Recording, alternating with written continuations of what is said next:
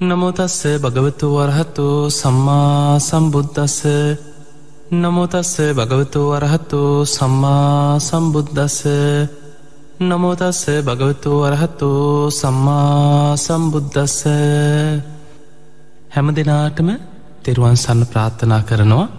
අදත් ඔබ හැම දෙනෙක්ම ඔබේ ජීවිතයට ඉතාම වැදගත් ධර්මකාරණා කීපයක් ශ්‍රවණය කරන්න සූදානන් වෙන දවස.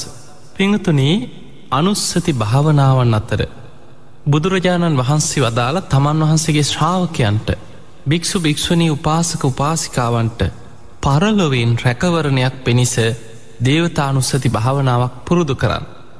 සංයුත්ත නිකාය මහානාම සූත්‍රයේ සඳහන් වෙනවා මහානාම කියන්නේ සෝවාන් පලට පත්වෙච්ච ශ්‍රාවකෙක්.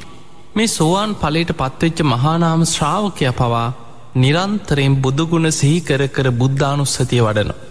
ධර්මය ගුණ සිහි කර කර දම්මානුස්සතිය වඩනවා. සඟගුණ මෙනෙහි කර කර සංගානුස්සතිය වඩනවා. මොකද සෝවාන් පලට පත්වෙච්ච කෙනා තුනුරුවන් ගැන අවිච්චා ප්‍රසාදයෙන් යුක්තයි. ඒ නිසා හෝ නිතරම තුනුරුවන් ගුණ සිහිකර කර තුනුරුවන් ගැන හිත පහදවාගෙන අනුස්සති භාවනා හැටියට බුද්ධානුස්සති දම්මානුස්සති සංගානුස්සතිය වඩන.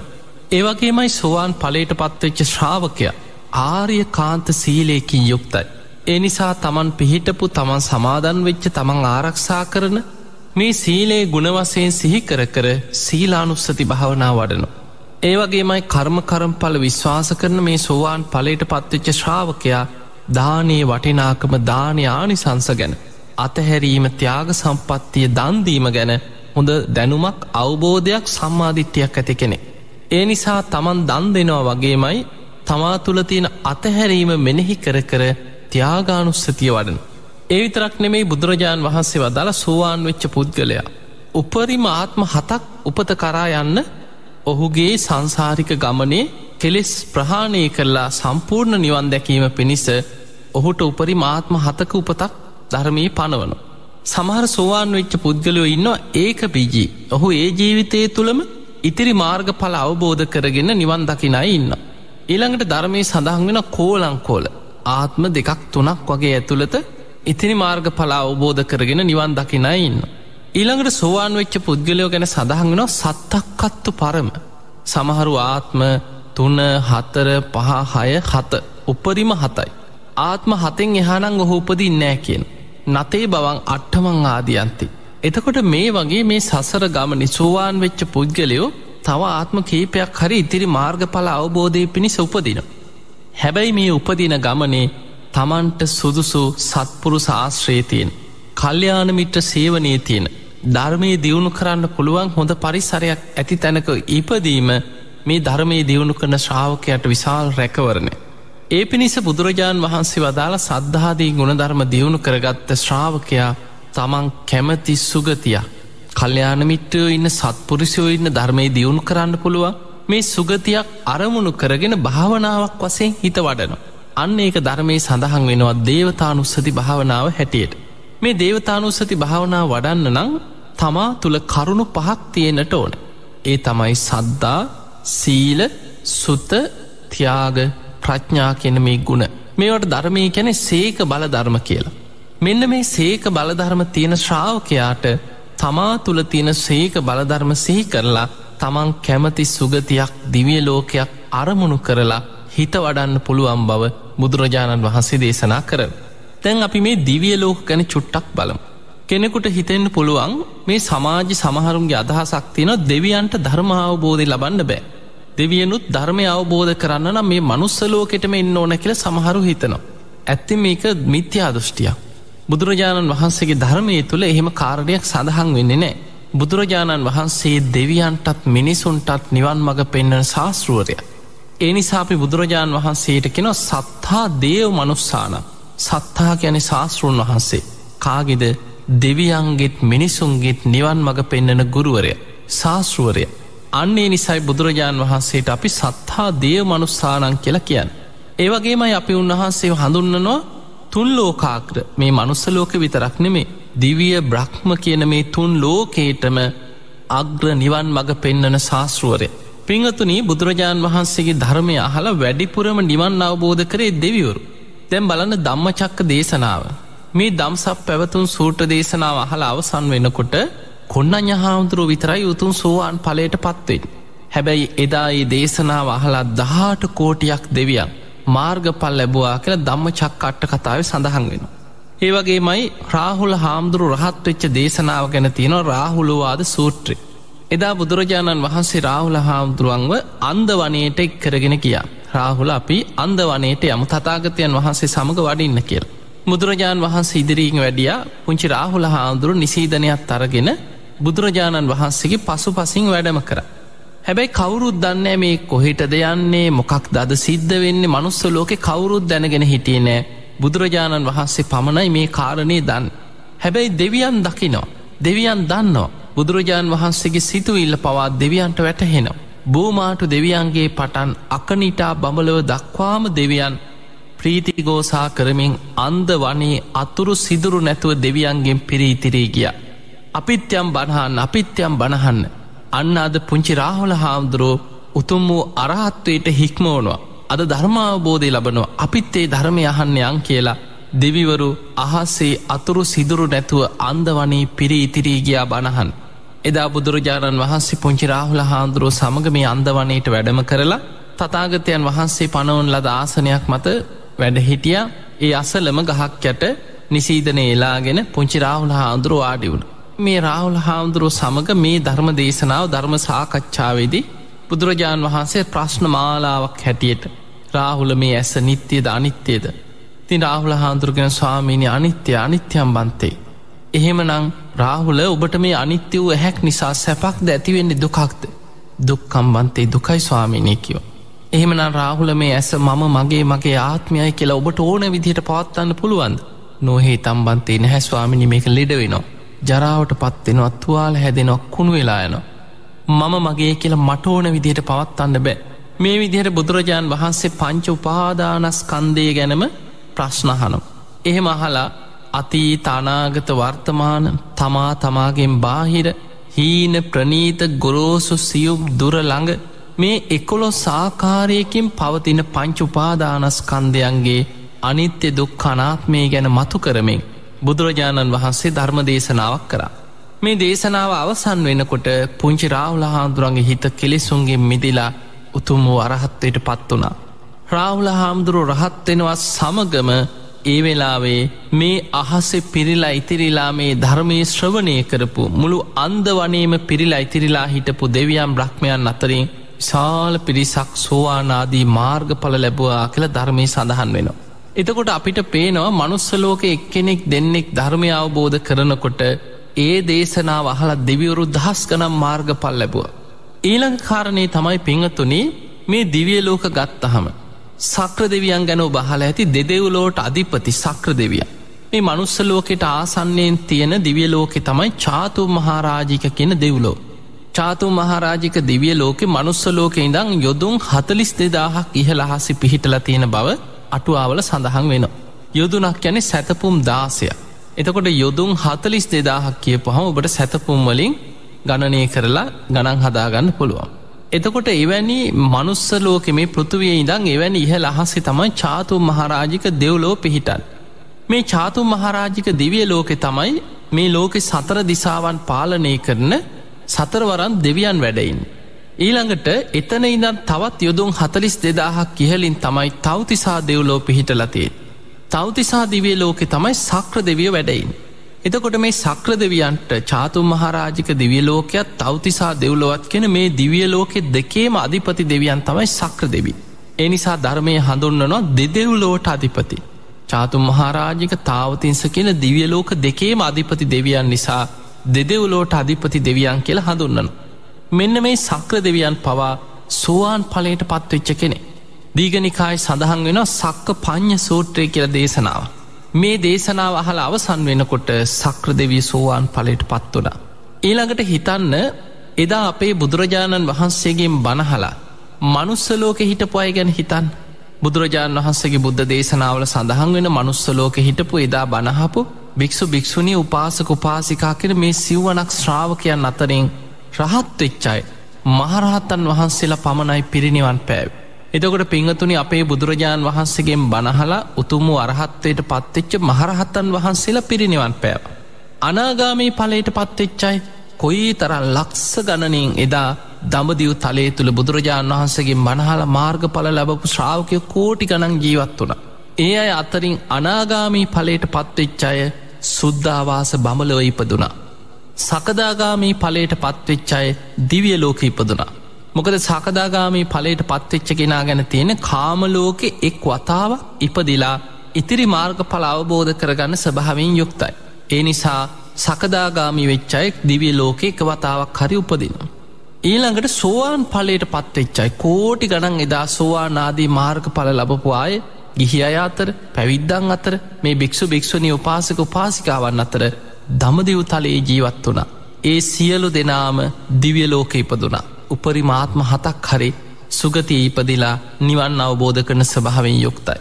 එහෙමනං අපිට පේනවා දෙවියන් අත්තරින් මාර්ග පල ලබපු අය නොයි එදා මනුස්සලෝකෙම බුදුරජාණන් වහන්සේගෙන් බණහලා එදා දඹදිව් තලේ ඉපදිලා ඉඳලා භික්ෂුවක් වේවා භික්‍ෂුණයක් වේවා උපාසකයෙක් වේවා උපාසිකාවක් වේවා.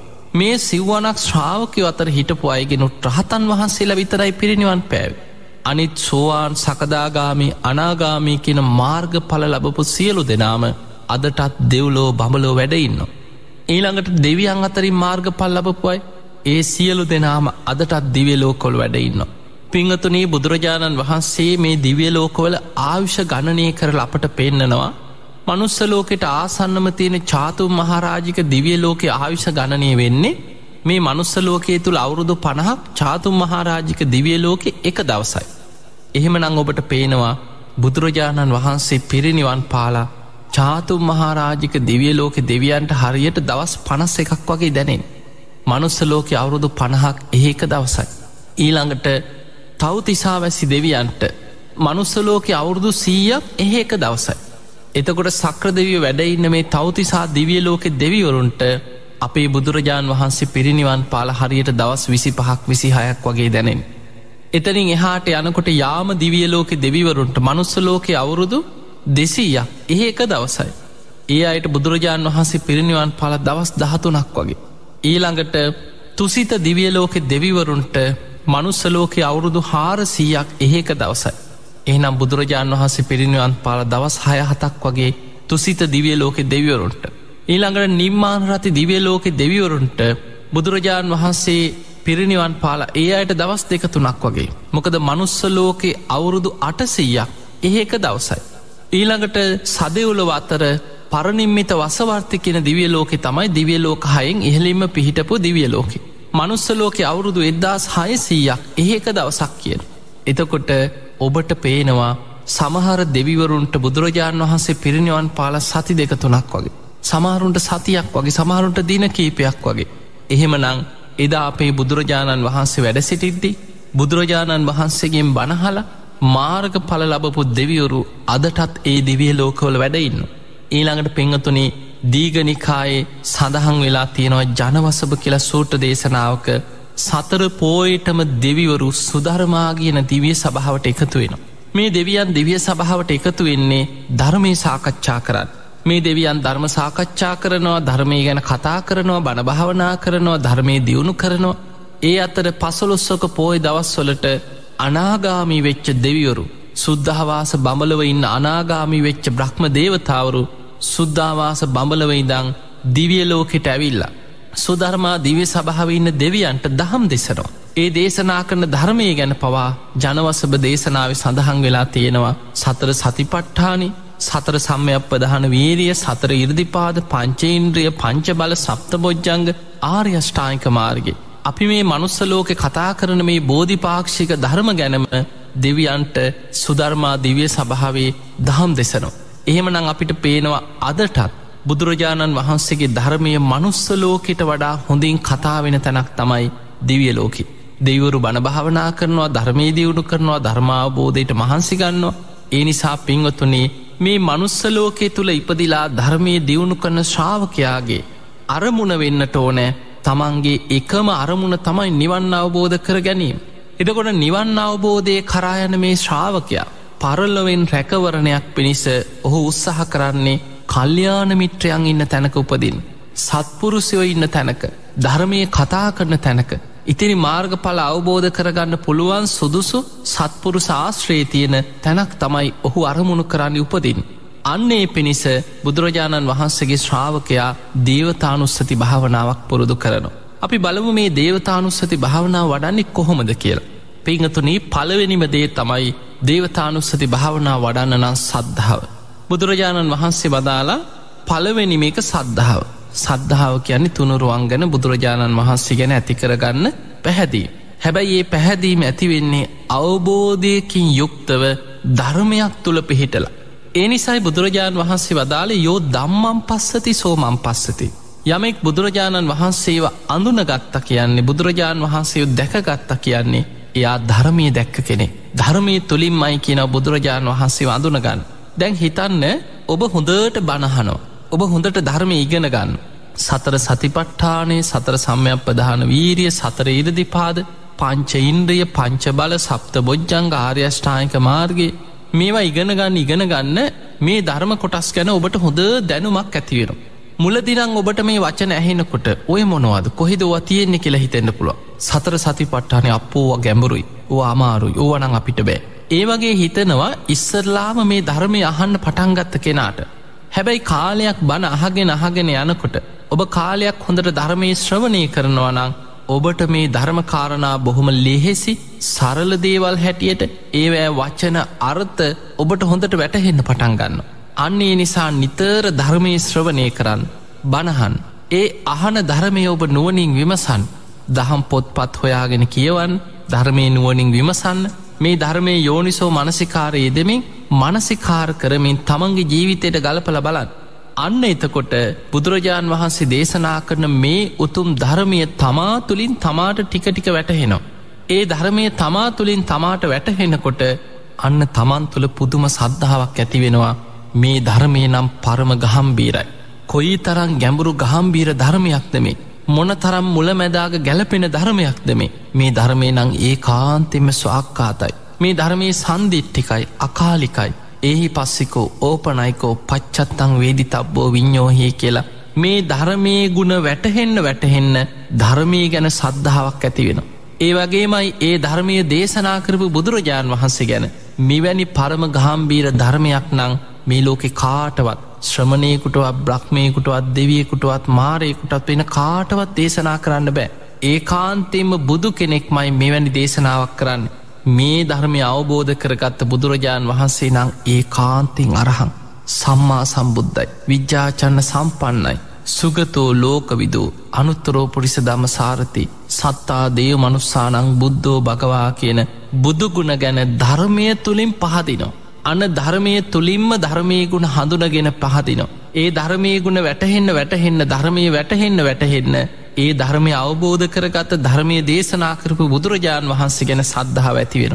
ඒ ධර්මය අවබෝධ කරගත්ත ශ්‍රාවකයන් ගැනත් ගුණවසයෙන් පහදින. මේ විදිහට යමෙක් තුළ ධර්මය තුළ පිහිටල ඇතිවෙච්ච තුනුරුවන් ගැන සද්ධාවක් අවබෝධයක් තියෙනවන. අන්නේ සද්ධාව තුළ පිහිට ලහු කල්පනා කරනවා මා තුළ බුදුරජාණන් වහන්සේ ගැන හොඳ සද්ධාවක් තියෙනවා. බුදුරජාණන් වහන්සේ මේ මේ ගුණවලින් යුක්තයේ කියලා මං පිළිගන්න කෙනෙක් මංගේ සද්ධාවෙන් අදහ ගත්ත කෙනෙ.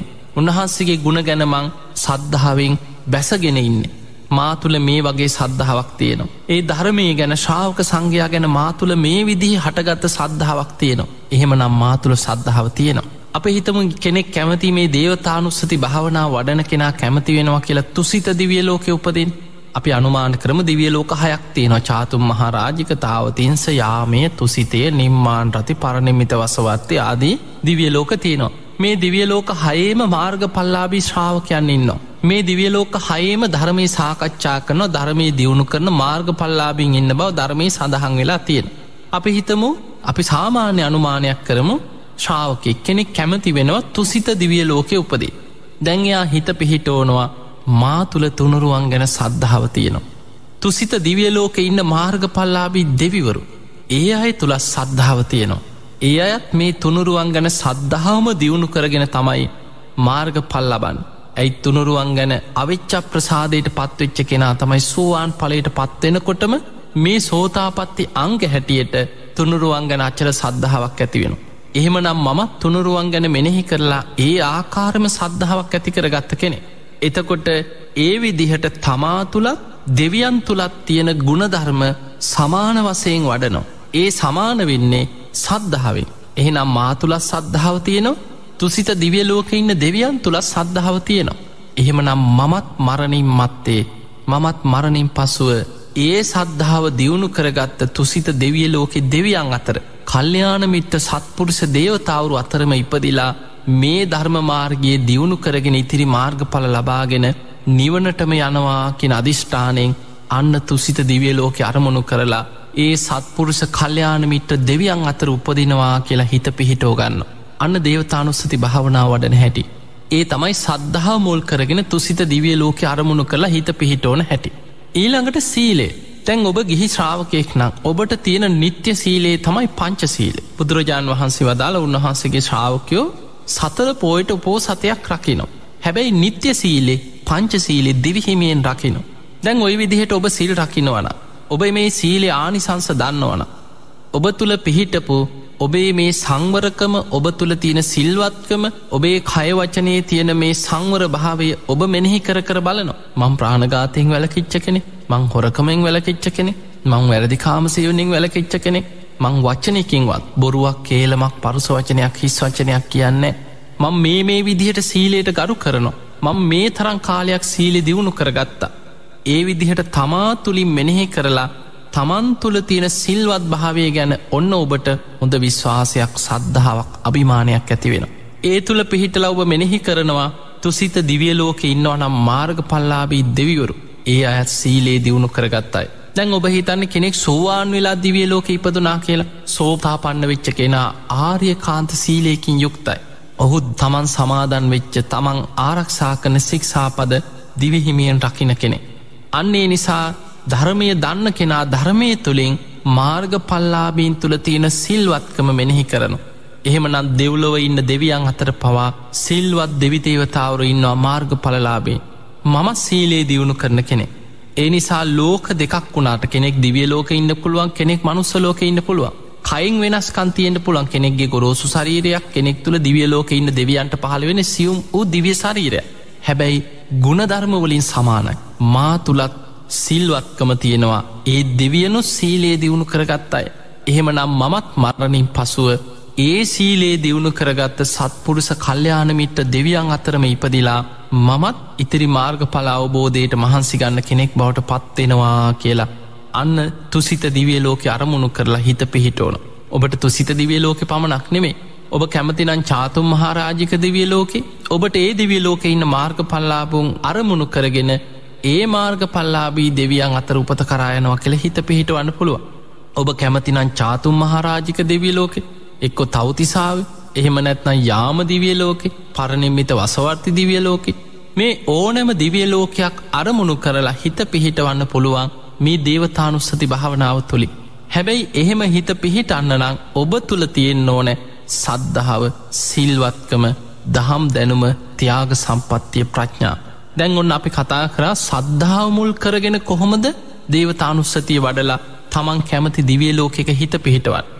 ඊළඟට තමන් කාලයක් තිස්සේ හොඳට සීලාදී ගුණධර්ම රකින කෙනෙක් නං තමා තුළ තියෙන සීලේ මෙනෙහි කරලා කොහොමද සුගතියක් අරමුණු කරලා හිත පිහිටවත්. ඊළඟ කාරණයේ තමයි සුතවත් භාවේ දහම් දැනුම්. ඔබට හොඳ දහම් දැනුවක් තියෙන් ඕනෑ.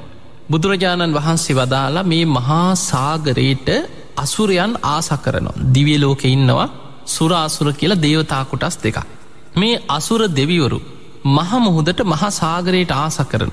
ඒකට හේතුවක් හැටියට බුදුරජාණන් වහන්සේ වදාළ මේ අසුරයන් මහසාගරයට ආස කරනවා මහමුහුද තියෙන වටිනා වස්තුව දැකළ. මුත්තු මැනික් සක් සිලා වෙරලුමිනි ආදී මිල කළ නොහැකි මහා වටිනා සම්පත් සාගර පතුලේ මුහුද ඇතුළි තියෙනවා වටිනා මැනික් වර්ග. වටිනා මුතු වටිනා සම්පත් මේවා දකින දෙවියන් මහා සාගරයට ඇලුම් කරන ආස කරන. බුදුරජාණන් වහන්සේ වදාළ මගේ ශ්‍රාවකයොත් මේ බුද්ධ ශාසනයට ආස කරන්නේ බුද්ධ ශාසනයේ තියෙන වටිනාම මානික්‍ය රත්න තිස් හතක් තියෙනවා. මේ තමයි බුද්ධ ශාසනයේ තියෙන මහානීය වස්තු වටිනා දේවල්. අන්නේවෑ වටිනාකම හඳුනගෙන තමයි මගේ ශ්‍රාවකය බුද්ධ ශාසනයට ආස කරන්න. බුදුරජාණන් වහන්සේ වදාළ මේ ශාසනය තුළ තින වටිනා දේවල් තමයි සතර සතිපට්ඨාන. සතර සම්යක් ප්‍රධාන වීරිය සතර ඉරදිපාද පංච ඉන්ද්‍රිය පංච බල සප්ත බොජ්ජංග ආර්යෂ්ඨායික මාර්ගි. මේ බෝධිපාක්ෂික ධර්ම කියන නිවන්න අවබෝධයට උපකාරවෙන ධර්ම තිස් හත. මේ බුද්ධ ශාසනය තුළ තින වටිනාම සම්පත්. බුද්ධ ශාසනයේ තියන වටිනාම මානික්‍ය රත්න ති සතක් හැටියට බුදුරජාණන් වහන්සේ වදාල්. එතකොට මෙන්න මේ බුද්ධ ශාසනයේ තියෙන වටිනා වස්තු ඒවෑ වටිනාකම හඳුනගන්න නම් ඔබ හොඳ දහම් දැනුමක් ඇති කෙනෙක් වෙන්නට ඕන සුතවත් භාවේ. ඔබ නිතර බණ අහන්ඩ පුරුදුවෙන්. බණ පොත්පත් කියවන්. ඒ අහන ධර්මය මතක තබාගන්න ධාරණය කරගන්න උත්සාහයක් ගන්න. ඒ ධර්මය නිතර වචනය පුරුදු කරන්න වචසා පරිච්චිතා. ඒ ධර්මය අමතක වෙන්න ඉඩ නොදී වචනින් නිතර නිතර පුරුදු කරගන්න. ඒ ධර්මය ඔබ හැම වෙලාම නුවනින් මෙනෙහි කරන්න මනසානු පෙක්කිතා. ඒ විදිහට ඔබ හොඳ දහම් දැනුමක් ඇති කෙනෙක් බවට පත්වෙනවනම් අන්න ඔබට බුදුරජාණන් වහන්සේගේ ධර්මී ගැන නිරවුල් දැනුමක් තියෙනවා. පිංහතුනේ සාරා සංකයේ කල්පලක්ෂයක් තිස්සේ. මේ දානාදී දසපාරමී ධර්ම සම්පූර්ණ කරලා. බුද්ධත්වයට පත්වෙන ආත්මෙත් අවුරුදු හයකට ආසන්න කාලයක් අනේක විඩ දුක්පීඩා දෙමින් දුස්කරක්‍රියා කරලා තමයි අපි සරණගි අපේ බුදුරජාණන් වහන්සේ මේ උතුම් චතුරාරි සත්‍ය ධර්මය අවබෝධ කරගෙන දෙව්මිනිස් ලෝකයා ගැන කරුණාවෙන් අපිට කියලදුන්. ඒ උතුම් ධර්මිය ඒ හැම බණපදයක්ම බුදුරජාණන් වහන්සේගේ බුදුමුයින් දේශනා කරපු එක් බණපදයක මරු පරදවන රහතුන් දහසක් වැඩ සිටිනවා කියලා ගාථාවක සඳහන්ගෙන්. ඒ නිසා ඒ එක බණපදයකින් රහතන් වහන්සේලා බිහි කරන්න පුළුවන් බුද්ධ ශක්තියක් අධිෂ්ඨානයක් බුදුරජාණන් වහන්සේගේ ධර්මය තුළ පිහිටන. බලන්න එක ගාථාව අහල දහස් කනත් ධර්මාවබෝධය ලබපු විස්තර ධර්මය සඳහන් වෙන. ඒ නිසා ඒ උතුම් බුද්ධ වචන ඒ උතුම් ධර්මය බොහොම සද්ධාවෙන් ඔබ ඉගෙන ගන්න. ඔබ හොඳ දහම් දැනුමක් ඇති කෙනෙක් බවට පත්තෙන්. දැන් අපි හිතම ඔබට දැන් හොඳ දහම් දැනුමක් තියෙන ඔබ ධර්මය ගැන හොඳ නිරවුල් දැනුමක් ඇති කෙනෙ. අන්න දැන් ඔබ දේවතානුස්සති භාවනා වඩනකොට ඔබ මෙනෙහි කරනවා මාතුළත් ධර්මය ගැන හොඳ නිරවුල් දැනුමක් තියෙනවා. තුසිත දිවියලෝක ඉන්න දෙවිවරුත් මේ ධර්මයමයි පුරුදු කරන්න. ඒ අයත් සතර සතිපට්ටාන සතර සම්යක් ප්‍රධාන වීරිය සතරේදිපාද පංචේන්ද්‍රිය පංචබල සප්ත බොජ්ජංග ආර්යෂ්ඨායක මාර්ග මේ ධර්මයමයි පුරුදු කරන්න. එහෙමනං මාතුළත් ඒ ධර්මය ගැන හොඳ දැනුමක් තියෙනවා. තුසිත දෙව්ලව ඉන්න දෙවියනොත් ඒ ධර්මයමයි පුරුදු කරන්න. එහෙනම් සුතවත් භාවයෙන් දහම් දැනුමෙන් මමත් දෙවියනු සමානයි. එහෙමනම් මමත් මරණින් මත්තේ ඒ ධර්මය දියුණු කරන ඒ සත්පුරුස කල්්‍යානමිට්ට දේවතාවරු අතරම ඉපදිලා මේ ධර්මමාර්ගයේ සම්පූර්ණ කරගෙන ඉක්මනින්ම නිවන කරායනවා කියලා අන්න දිවිලෝක අරමුණු කරලා හිත පිහිටව ගන්න.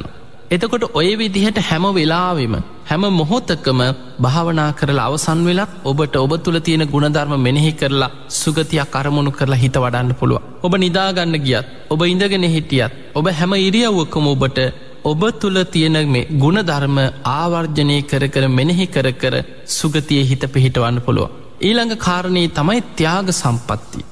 ත්‍යාගේකැන් අතහැරීම දන්දීම්. ඔබ තුළ ඔබ දන් දෙන්න උත්සාහවත් වෙන කෙනෙක් නම්. ඔබ දුක් මහන්සි වෙලා ධාර්මිෂ්ටව උපයා සපයාගත්ත දේවල්. ඔබ සතුටෙන් තුන්සිත පහදවා දන් දෙන කෙනෙක් නම්. ඔබට මහාලොකු පින්කං කරන්න බැරිවි. හැබැයි ඔබ දිලිඳු කෙනෙක් වුණත් දුප්පත් කෙනෙක් වුණත් ඔබට පුළුවන් හැටියට ඔබ සතු දෙයක් බුදුරජාණන් වහන්සේ වදාලි බඩකින්න ඉන්න කෙනෙක්. කොයි තරං කුසගින්න ඉඳලා ආහාර ගන්න උත්සාහ කරත් අප හිතම දවස් ගානක් කන්න නැතු ඉඳලා කෑමපි ගානක් හම්බුණ හැබැයි මේ දානෙ වටිනාකම දන්න කෙනා තනියෙන් කාගෙන කාගෙන යන්න. ඔහු සතෙකුට හරි කොටසක් දන් දෙෙන. ඔය වගේ ඔබේ ජීවිතය තුළ පුංචි පුංචි පින්කං හරි ඔබ පින් කරන්නේ පිනේ වටිනාකම දන්න නිසා. ඔබට පුළුවන් හැටියට ඔබ පින් කරනවා. ඔබ දන් දෙනවා. ඔබේ ජීවිතය කරපු පින ඔබ රැස් කරනවා. ඔබේ පින මෙනෙහි කරනවා. ඒ විදිහට ඔබ පින සිහි කරනකොට ඔබට තේරෙනවා මේ කාමයන් ගැන මම අවබෝධයකින් යුක්තව මේ කාමයන්ගේ ආදීනව සිහි කරලා. මං ගොඩගහ ගන්නේ නැතුව රැස් කරගන්නේ නැතුව මේව ආදීනව මෙනෙහි කරන කෙනෙක්. මම අතහැරීම පුරුදු කරන කෙනෙක්. මම දන් දෙන කෙනෙක් මන් දුක් මහන්ස් වෙලා හම්බ කරගත්ත දේවල් මේ මේ විදිහට දන්දීලා තියෙන ම මේ වගේ පින් කරගත්තා මේ වගේ පින් කරගත්ත කියලා ඔබ තුළ තියෙන අතහැරීම ත්‍යාග සම්පත්තිය ඔබ සිහි කරන්න ඕන. එහෙම සිහි කරලා හිතනවා තුසිත දිවිය ලෝක ඉන්න දේවතාවරු. ඒ දෙවියනු දෙව්ලෝ ඉපදිලා තියෙන්නේ දම්පින්කං කරලා ඒ පින බලවත් කරගෙන. දැම් බලන්න විමානවත්වයේ සඳහන් වෙනවා මුගලම් මහරහත්තන් වහන්සේ දිවිය ලෝකෙට වැඩම කළ දෙවියන්ගේ අහනො පින්වත් දෙවිය. මේ තරන් සැප සම්පත්තිදින්නේ මොනවගේ පින් කරලද. පින්වත් දෙව්දු ඔබ මේ තරන් දිවිය විමාන දිවි ආසන දිවිය සලුපිළි මේ තරන් දෙවිදේවතාවරු පිරිවරාගෙන මිච්චර සැපයක් විඳින්නේ. ඔබ මොනවගේ පින් කරගත්ත කෙනෙද. ඒ අයිකින අනේ ස්වාමීනි අපි මනුස්ස ලෝක හිටි අපි මේ වගේ පින් කරගත්තා. අපි මේ වගේ දන්දීලා තියෙනවා. හැබැයි සමහරු කියන මං බත් හැන්දක් දන්දුන් මං පිට්ටු කෑල්ලක් පූජ කරේ. හැබැයි මං ඒ කරපු පින හැමවිලේම සිහි කරලා සිහි කරලා හිත පහදවගත්තා. මං මැරෙන කොටත් මටේ පින සිහි වුනා කියල්.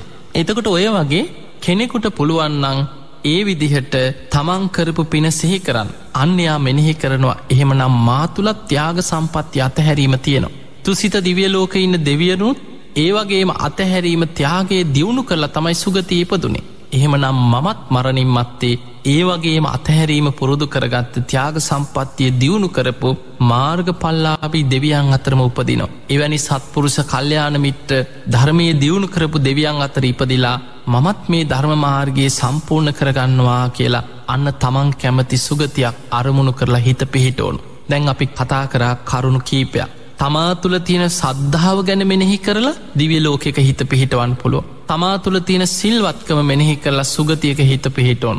තමා තුළ තියෙන දහම් දැනුව සුතවත් භාවේ සිහි කරලා දිවිය ලෝකෙ අරමුණු කරන. ඊළඟට තමා තුළ තියෙන ත්‍යාග සම්පත්තිය මෙනෙහි කරලා දිවිය ලෝකයක් අරමුණු කරන. සද්දා සීල සුත්තත්‍යයාග පස්වනයක තමයි ප්‍රඥාව. ඔබ මේ පංචුපාදානස්කන්දය ගැන ආයතන හය ගැන ඔබ හැමවෙලාම අනිත්‍ය වසේ මෙනෙහි කරන කෙනෙක්න. බුදුරජාණන් වහන්සේ දේශනා කරපු ආකාරයට චතුරාරි සත්‍ය අවබෝධ කරගන්න මහන්සි ගන්න කෙන. මේ පංචෝපාදානස්කන්දය අනිත්‍යයි දුකයි අනාත්මයි කියල මෙනෙහි කරනවා. මේ පංචුපාදානස්කන්දය තමා තුළ තිබුණත් තමාගෙන් බාහිර තිබුණත් හීනව පැවතුනත් ගොරෝසු ශරීරයක් තුළ පැවතුනත් දුර තිබුණත් ළඟ තිබුණත් අතී තනාගත වර්තමාන වසයෙන් ගත්තත් මේ පංචුපාදානස්කන්දය අනිත්‍යයි අනිත්‍යයි කියලා හොඳට ධර්මාවබෝධයක් අරමුණු කරගෙන වඩන කෙනෙක්න මේ ආයතන ගැන පංචුපාදානස්කන්දි ගැන හොඳට නුවන ඒකට කෙන ප්‍රඥාව ඔබ තුළ වැඩෙනවා. ඒ විදර්ශනා නුවන ඔබ තුළ තියෙනවනං ඔබ විදර්ශනා ඥානෙ වඩන කෙනෙක්නම් අන්න ඔබට පුළුවන් මෙනෙහි කරන්න මේ විදිහටම ප්‍රඥාව දියුණු කරලා මාර්ග පල්ලපු දෙවියවරු දිවිය ලෝකවල වැඩඉන්නවා. තුසිත දිවියලෝක වැඩඉන්නවා නම් මාර්ග පල්ලාබී දෙවිවරු ඒ අයත් මේ වගේම පංචුපාදානස්කන්දේ පටිච්ච සම්පාද මේ අනිත්‍යදු කනාත්ම ත්‍රිලක්ෂණය වඩලයි මාර්ග පල් ලැබුයි. එහෙමනම් මමත් ඒ උතු මාර්ග පල්ලාබී කල්්‍යයාන මිට්ට සත්පුරුස දෙවිදේවතාවරු අතරම ඉපදිලා මමත් මේ ධර්මමාර්ගයේ සම්පූර්ණ කරගන්නවා කියලන්න හිත පිහිටෝන්. ඔන්න ඔය විදිහට බුදුරජාණන් වහන්සේගේ ශ්‍රාවකයන්ට පුළුවන් තමා තුළ තියෙන සද්දා සීල සුත්තතියාග ප්‍රඥා මෙනෙහි කරලා. ඒ කරුණුම දියුණු කරගත්ත දෙවිවරු අරමුණු කරගෙන සුගතියක හිත පිහිටවන්. අන්න ඒක භාවනාවක් වසින් වඩන ක්‍රමයක්. ඒ භාවනාව තමයි ධර්මය උගන්නන්නේ දේවතානුස්සති භාවනාව කියලා. පිංහතුනී දේවතානුස්සති භාවනාව වඩනකොට තමා තුළ සද්දා සීල සුතතියාග ප්‍රඥා ඇතිකරගෙනමයි ඒ භාවනාව වඩන්න තියෙන්. එහෙම නැතුව මම නන්දිවිය ලෝක ම නන්දිවිය ලෝක කිය කිය කොච්චර මෙනෙහි කරත් වැඩක් නෑ ඔබ තුළ සද්ධාව නැත්නම්. ඔබ සිල්වත් කෙනෙක් නොවෙයින. ඔබ තුළ හොඳ දහම් දැනුමක් නැත්නම්. ඔබ අතහැරීම ත්‍යයාග සම්පත්තිය පුරුදු කරලා නැත්නම්. ඔබ ප්‍රඥාව වඩන කෙනෙක් නොවෙයින. දැම් බලන්න බුදුරජාණන් වහන්සේ පෙන්නන්නේ දැන් කෙනෙකුට හිතෙන්න්න පුළ මේ දිවිය ලෝක කියන්නේ සැපනේ. සැප තමයි හැබැයි බුදුරජාණන් වහන්සේගේ ශ්‍රාවකයන් දිවිය ලෝකයක් අරමුණු කරන්නේ සැපවිඳින් අදහස් එන්නෙමේ. ඔහු මේ දිවිය ලෝකයේ පවා ආදීනෝ මෙනෙහි කරන කෙනෙක් ඔහු දන්නවා පංචුපාදානස්කන්දේ දිවිය ලෝකෙ පහළ වනත් ඒ අනිත්‍යයි මනුස්සලෝක හිටියත් සැප සම්පත් විඳගෙන ඒ අයත් සතර මහධාතුගෙන් හටගත දෙයක් එයත් අනිත්‍යයි. හීන සභාවෙන් ප්‍රනීත සභාවෙන් තිබ්බත් අනිත්‍යයි. එතකොට මේ දිව්‍යවේවා බ්‍රහ්මවේවා මනුස්සවේවා මේ කාමයන්ගේ ආදීනෝ මෙනෙහි කරගෙන සද්දා සීල සුතතියාග ප්‍රඥා වඩමින් අනිත්‍ය මෙනෙහි කරන්නේ ඔහු ධර්මාවබෝධයක් අරමුණු කරගෙන ධර්මය වඩන කෙනෙ. එහෙම කෙනෙක් සුගතියක් අරමුණු කරන්න දිවිය සැපවලට ආසාාවෙනෙමේ. ඔහු අරමුණු කරන්නේ මට දිවිය විමානයක් පහළ වේවා මට මේ තරන් දෙවිදේවතාවරු එක්ක සැපවිඳින්න ලැබේවා මට මේ වගේ දිවිය භෝජන දිවිය සලුපිළි මට මේ මේ වගේ සැප ලැබේවා එහෙම අදහසක් නෙමේ ඔහු තුළ තියෙන් ඔහු තුළ තියෙන්නේ එකම චේතනාවයි තමා තුළ තියෙන සද්ධහා සීල සුත ත්‍යාග ප්‍රඥා. දැන් අපි මනුස්සලෝක මේවා වඩන්නේ ධර්මාවබෝධය පිණිස. කෙනෙක් මනුස්සලෝකෙ සද්දා සීල සුතතියාග ප්‍රඥා වඩනකොට ඒවා තමන්ට ඉහලට වැඩුණොත් මනුස්සලෝකෙදිම මාර්ග පල් ලැබෙනවා. මේ සද්දා සීල සුතතියාග ප්‍රඥා යම්මට්ටමකින් හොඳට තමා තුළ ස්ථාවරෝ පිහිටියන ඔහු සුවාන් වෙන. තවදුරටත් දියුණු වනානන් සකදාගාමි වෙන. තවදුරටත් සද්දා සීල සුතතියාග ප්‍රඥා දියුණු වෙලාන ඔහු අනාගාමි වෙන. තවදුරටත් දියුණු කරලා පරිපූර්ණ කරගත්ත කෙන රහත් වෙනවා. එතකොට මනුස්සලෝකෙදිම සද්ධාදී ගුණධර්ම දියුණු වෙලාන ඔහු මාර්ග පලවලට යන. හැබැයි මාර්ගඵල අවබෝධය පිණිස මනුස්සලෝකෙදි සද්ධාදී ගුණධර්ම දියුණු කරගත්ත කෙනාට. ඔහුට පුළුවන් හදිස්සිය හරි ඔහු ධර්මාවබෝධයකට පෙර මැරෙන්න්න පුළුවන්. ඔහුට මනුස්සලෝකෙදී කාලේ මදිවෙන්න පුළුවන් ඔහු ධර්මය පුරුදු කරගෙන වඩාගෙන යනකොට ඊට පෙර මරණය ඉස්සර වෙන්න පුළුවන්. එහෙම වෙලාවක බැරිවෙලා හරි අකුසලයක් බලවත් වෙලා අපායකට වැටුණු. එක්ක ආයමත් මනුස්සලෝක එක මොනවා හෝ ධර්මය පුරුදු කරපු පිනක් නිසා අපිහිතම ආය මනුස්සලෝක ඉපදුන. හැබැයි මනුස්සලෝක උපදිනකොට කල්්‍යයාන මිට්‍ර සේවනය නැති ලෝකයක්න. මනුස්සලෝක ධර්මය පිරිහිලාන. සත්පුරු ශාස්ත්‍රය අපිට ලැබෙන තරම් පරිසරයක් නැත්නං අපි අර ඇතිකරගත්ත පෙරජීවිතවල වඩපු ගුණධර්ම ඉහලට දියුණු කරගන්න පරිසරයක් අපිට නැතිවෙන්. ඒ නිසා බුදුරජාණන් වහන්සේගේ ශ්‍රාවකය හැම වෙලේම උත්සාහ කරන්නේ සත්පුරුස කල්්‍යයානමිත්‍රයන් ඉන්න සුගතියක් ධර්මය දියුණු කරගන්න පුළුවන් කල්්‍යයානමිට්‍ර සේවනි බුදුරජාණන් වහන්සේ වදාළ මේ මුළු බුද්ධ ශාසනීම පවතින්නේ කල්්‍යයානමිත්‍රයම් මත. ඒ නිසා තමයි මාර්ගපල්ලාබී දෙවි දේවතාවරු ඉන්න. ධර්මය දියුණු කරන්න පුළුවන් සත්පුරුස කල්්‍යයානමිට දෙවියන් ඉන්න සුගතියක් අරමුණු කරන්න.